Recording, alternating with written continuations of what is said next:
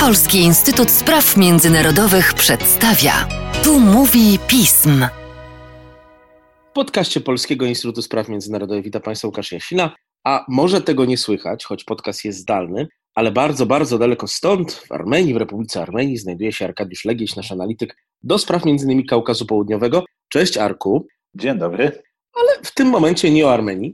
Temu, kiedy mieliśmy w Polsce zupełnie inne rzeczy do roboty, powstała Szanghajska Organizacja Współpracy. Organizacja otoczona wśród polskich publicystów różnymi mitami, ale tobie uda się pewnie wiele z tych mitów zwalczyć po prostu powiesz, jak jest. Szanghajska Organizacja Współpracy, w zasadzie, jeżeli mielibyśmy się przyjrzeć genezie tej organizacji, no to no, musimy sięgnąć do lat 90., a więc okresu, kiedy nowo powstałe republiki Azji Środkowej powstały w wyniku rozpadu Związku Radzieckiego, no w jakiś sposób zaczynały się pozycjonować w tej rzeczywistości regionalnej, międzynarodowej, zaczynały kształtować swoje granice, co w wielu przypadkach, szczególnie w takich wrażliwych miejscach jak Kotlina Fergańska, o której ostatnio było głośno przy okazji starć kirgisko-tadżyckich, no, co powodowało konflikty i destabilność, a ta destabilność też miała też charakter nie tylko samych konfliktów granicznych, ale ogólnie dotyczyła całościowo rzeczywistości regionalnej. Nowo powstające państwa często borykały się z konfliktami wewnętrznymi, jak na przykład Tadżykistan, czy z niestabilnością rządów, ogólnymi problemami natury ekonomiczno-społecznej. To wszystko oczywiście przyciągało uwagę Rosji i Chin, dwóch najważniejszych i wówczas, i współcześnie takich powiedzmy aktorów zewnętrznych obecnych w regionie, którzy no, przyglądali się wydarzeniom w regionie i z jednej strony w tej całej destabilizacji widziały szansę do jakiegoś umiejscowienia siebie, do umocnienia swoich interesów w tej części świata, ale również robiły to z troski o własne bezpieczeństwo, ponieważ dla nich Azja Centralna, ten region, no był i w dalszym ciągu jest potencjalnym źródłem destabilizacji. To wszystko prowadziło do tego, że Rosja i Chiny, w taki no powiedzmy trochę na wyrost, ale w sposób komplementarny wobec siebie, angażowały się w te wszystkie zachodzące w regionie procesy, szczególnie konflikty graniczne czy próby delimitacji granic. Czasami to dotyczyło ich bezpośrednio, no bo takie państwa jak Kazachstan i Rosja, czy regionalni sąsiedzi Chin, jak Kirgistan, Tadżykistan, no również miały jakieś kwestie wymagające negocjacji, wyjaśnień, porozumień dotyczące przebiegu ich wspólnych granic. To wszystko doprowadziło do ukształtowania się tak zwanej szanghajskiej piątki, a więc organizacji takiej bardzo nieformalnej, bardziej takiego forum współpracy, w którym Rosja i Chiny wspólnie z trzema państwami Azji Centralnej uzgadniały swoje stanowiska, koordynowały współpracę, no a Chiny i Rosja wykorzystywały to do tego, aby pozycjonować się w regionie i jednocześnie ograniczać zaangażowanie innych aktorów zewnętrznych, ograniczać zaangażowanie, które mogłoby być niebezpieczne dla ich własnych interesów. I tutaj myślimy o takich aktorach jak Stany Zjednoczone, co szczególnie zyskało na znaczeniu po 2001 roku, czy też Turcja, czy też Iran, czy też Indie. To wszystko doprowadziło stopniowo na drodze ewolucji do tego, że 20 lat temu powołano organizację międzynarodową podczas szczytu w Szanghaju i nazwano ją Szanghajską Organizacją Współpracy właśnie na bazie tej szanghajskiej piątki. Aczkolwiek ta piątka dość szybko zaczęła się dezaktualizować, no bo dość krótko po utworzeniu tej organizacji w skład jej członków przystąpił Uzbekistan, a w ostatnich latach do, do grona członków przystąpiły jeszcze takie państwa jak Indie i Pakistan. Tak wygląda na ten moment skład członkowski tej organizacji. Jej cele są w zasadzie niezmienne z tym, co powiedziałem na początku. Koordynacja polityki zagranicznej Rosji i Chin z państwami Azji Centralnej i w przypadku Rosji i Chin zabezpieczanie swoich własnych interesów. Szanghajska Organizacja Współpracy jednak stała się organizacją taką, jeżeli mielibyśmy to w jakiś sposób zobrazować, która nie dąży do integracji w głąb, jak to ma na przykład miejsce w przypadku takich organizacji jak Unia Europejska, ale do poszerzania grona swoich członków. I nawet jeżeli nie dochodziło do kolejnych akcesji, to grono członków zatrzymało się na liczbie ośmiu, których już wymieniliśmy, no to stworzono, co jest trochę typowe dla tych form integracji eurazjatyckiej, takie inne metody współpracy z tą organizacją przez państwa regionu, czy też państwa otaczające region, które nie do końca chcą się stać członkami organizacji, ale w jakiś sposób mają żywotne interesy, aby w tej organizacji choćby być obserwatorem, czy podtrzymywać jakąś współpracę. I choćby właśnie wśród obserwatorów mamy takie państwa jak Afganistan, graniczący z Azją Centralną, czy też będący częścią Azji Centralnej, to zależy do jakiej koncepcji się odwołamy. Mamy Białoruś, bardzo silnie związaną z Rosją i z konceptami wszelkiej integracji eurazjatyckiej, ale także państwa takie jak Iran czy Mongolia, które też bardzo silnie kulturowo, politycznie, geograficznie, historycznie są zakorzenione w tej polityce międzynarodowej w regionie Azji Centralnej. Moglibyśmy jeszcze wymieniać cały dalszy spis państw, które w jakiś sposób utrzymują taką bieżącą współpracę z SZOW, bo jest też grono partnerów dialogu, państw kandydujących, organizacji zaproszonych. To grono jest naprawdę szerokie, aczkolwiek, no, co istotne, to poszerzanie grona organizacji nie do końca przyczyniło się do zmiany jej charakteru i nie do końca przyczyniło się jakby do wzmocnienia jej mandatu, do wzmocnienia jej instrumentów, kompetencji w regionie, bo jeżeli odwołujemy się do doświadczeń lat 90., to faktycznie to ta formuła współpracy szanghajskiej piątki, ona w jakiś sposób angażowała się w konflikty regionalne w Azji Centralnej. Ona w jakiś sposób próbowała mieć wpływ na konflikty graniczne. Ale jeżeli spojrzymy na to współcześnie, to de facto ciężko jest wymienić jakieś takie bieżące sukcesy, czy takie namacalne działania, dzięki którym Szanghajska Organizacja Współpracy wpływa na rzeczywistość tego regionu. I główną formą aktywności tej organizacji są coroczne szczyty, które co roku są organizowane w każdym państwie. W zeszłym roku, z uwagi na COVID, taki szczyt się nie odbył. Odbędzie się w tym roku, no i to będzie właśnie ten szczyt jubileuszowy. Ale pomimo, że głowy państw, czy też ministrowie spraw zagranicznych, premierzy, czy odpowiedni ministrowie spotykają się na tych szczeblach oficjalnych czy roboczych w jakichś tam odstępach czasu, no to jednak ta organizacja,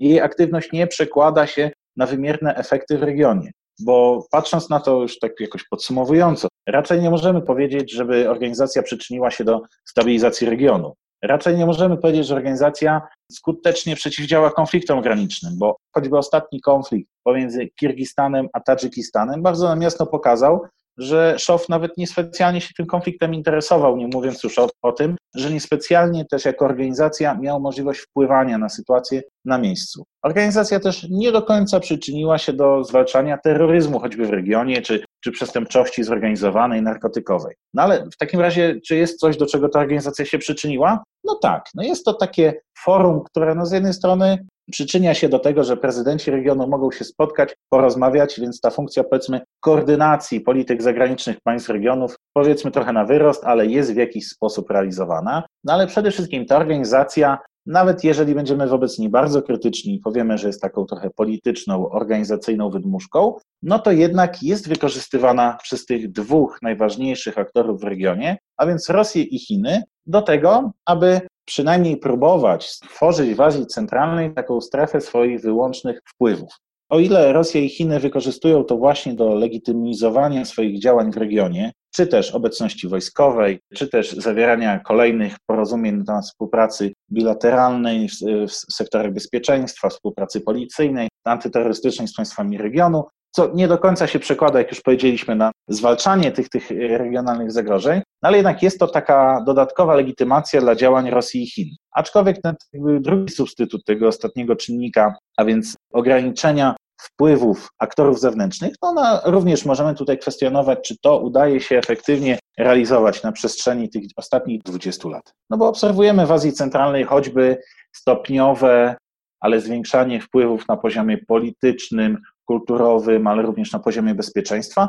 przez Turcję, która członkiem organizacji nie jest, która z całą pewnością celami tej organizacji się nie kieruje, która z całą pewnością chce urzeczywistniać w tym regionie swoje partykularne interesy, a nie do końca koordynować się z Rosją i z Chinami. I nawet jeżeli na razie jest państwem aspirującym do, do takiej pozycji, no to z całą pewnością jest państwem, którego działania mogą wskazywać na to, że Szanghajska Organizacja Współpracy to nie jest do końca tak mityczna, silna organizacja, która kształtuje rzeczywistość w tej części świata. Czego możemy się spodziewać w najbliższych latach? Myślę, że organizacja w dalszym ciągu pozostanie przy swojej strategii nie tyle pogłębiania integracji, no bo nikt de facto nie jest nią zainteresowany, no bo Chiny mają inne priorytety wobec państw regionu, Chiny opierają swoją politykę na instrumentach ekonomicznych, stopniowo wkraczają w sferę bezpieczeństwa, ale to też ma ograniczony wymiar. Rosja z kolei przecież ma swoje promowane przez siebie i rozwijane przez siebie formaty integracyjne, takie jak Eurazjatycka Unia Gospodarcza, czy Organizacja Układu o Bezpieczeństwie Zbiorowym, które przecież też docelowo są skierowane do państw Azji Centralnej. A same państwa regionu również nie tyle dążą do pogłębienia współpracy w SZOW, o ile podporządkowują się tym organizacjom rosyjskim, wchodząc w ich skład, czy też sądując ewentualne możliwą akcesję do nich, czy też tworząc jakieś takie regionalne formaty współpracy, na przykład zaproponowana przez Uzbekistan w ostatnich latach formuła współpracy państw Azji Centralnej w ogóle bez Rosji i Chin. To nam pokazuje, że z jednej strony utrzymanie tego formatu legitymizacji swoich działań przez Rosję i Chiny, no będzie pewnym wyzwaniem, no ale jednak też możemy sobie powiedzieć jasno, że będą takie czynniki w, w regionie, które w dalszym ciągu będą umożliwiały Rosji i Chinom instrumentalizowanie tej organizacji. Na pewno takim wyzwaniem, przed którym stoją wszyscy członkowie tej organizacji, jest sytuacja w Afganistanie, która, jak już w wielu naszych podcastach była omawiana, jest niestabilna, a może się okazać jeszcze bardziej niestabilna w związku z wycofaniem wojsk USA i NATO we wrześniu tego roku, co może się przyczynić do tego, że i Rosja i Chiny w jakiś sposób koordynując, uzupełniając swoje działania, no będą z jednej strony musiały wziąć odpowiedzialność choćby za część bezpieczeństwa regionalnego, a z drugiej strony no, będą miały poszerzone pole do wykorzystania, do instrumentalizowania na rzecz swojej polityki zagranicznej w regionie. Do tego wszystkiego przyda się szow, no bo jeżeli Chińczycy nagle będą chcieli zwalczać na przykład ujgurskich bojowników, którzy w, określonym, w określonej skali szukają często schronienia na terytorium Afganistanu, no to przecież Chiny będą mogły wykorzystać do tego fakt, że Szow dysponuje tak zwaną regionalną strukturą antyterrorystyczną, RAC i prawda, pod parasolem tego wejść do Afganistanu i załatwić swoje interesy. Jeżeli Rosjanie będą w jakimś stopniu dążyli do, do zwiększenia swojej obecności w Azji Centralnej, co już poniekąd się dzieje, no to też przecież będą mogli to wyjaśnić, że przecież to jest komplementarne z działaniami SZOF i robią to w porozumieniu z innymi państwami. No i trzeci czynnik, przyciąganie do organizacji państw nie do końca już znajdujących się w Azji Centralnej, ale choćby takich jak Indie i Pakistan, które w tej chwili są członkami, ale także państw, które w przyszłości takim członkostwem mogą być zainteresowane. Jak choćby Turcja, która, jak powiedzieliśmy, w coraz większym stopniu jest obecna w Azji Centralnej, czy Mongolia,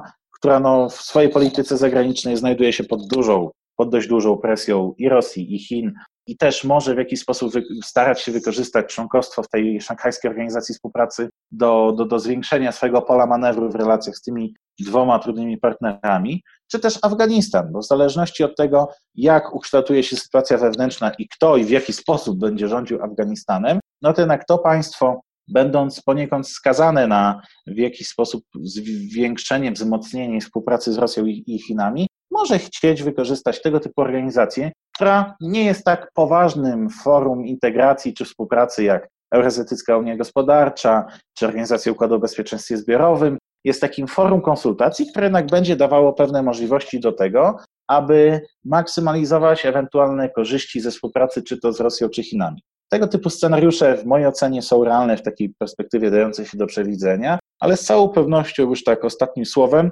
nie należy oczekiwać, że szanghajska organizacja współpracy stanie się jakimś podmiotem wiodącym w kształtowaniu rzeczywistości międzynarodowej w tej części świata, bo nie stała się nim przez 20 lat. Działania mm, przede wszystkim jej najważniejszych członków, czyli Rosji i Chin, na nic nie wskazują, że taką organizacją miałaby się stać. Będzie to w dalszym ciągu forum konsultacji i miejsce, gdzie można zalegitymizować realizację swoich partykularnych interesów w regionie i to właśnie będą czynić Rosja i Chiny. Powiedziałeś o Rosji i Chinach bardzo dużo. Oczywiście powiedziałeś też o innych członkach tej organizacji. Będziemy to obserwowali, zwłaszcza, że świat w tamtym regionie zmienia się niezwykle mocno. Dziękuję Ci, Jarku, za podcast. Dzięki.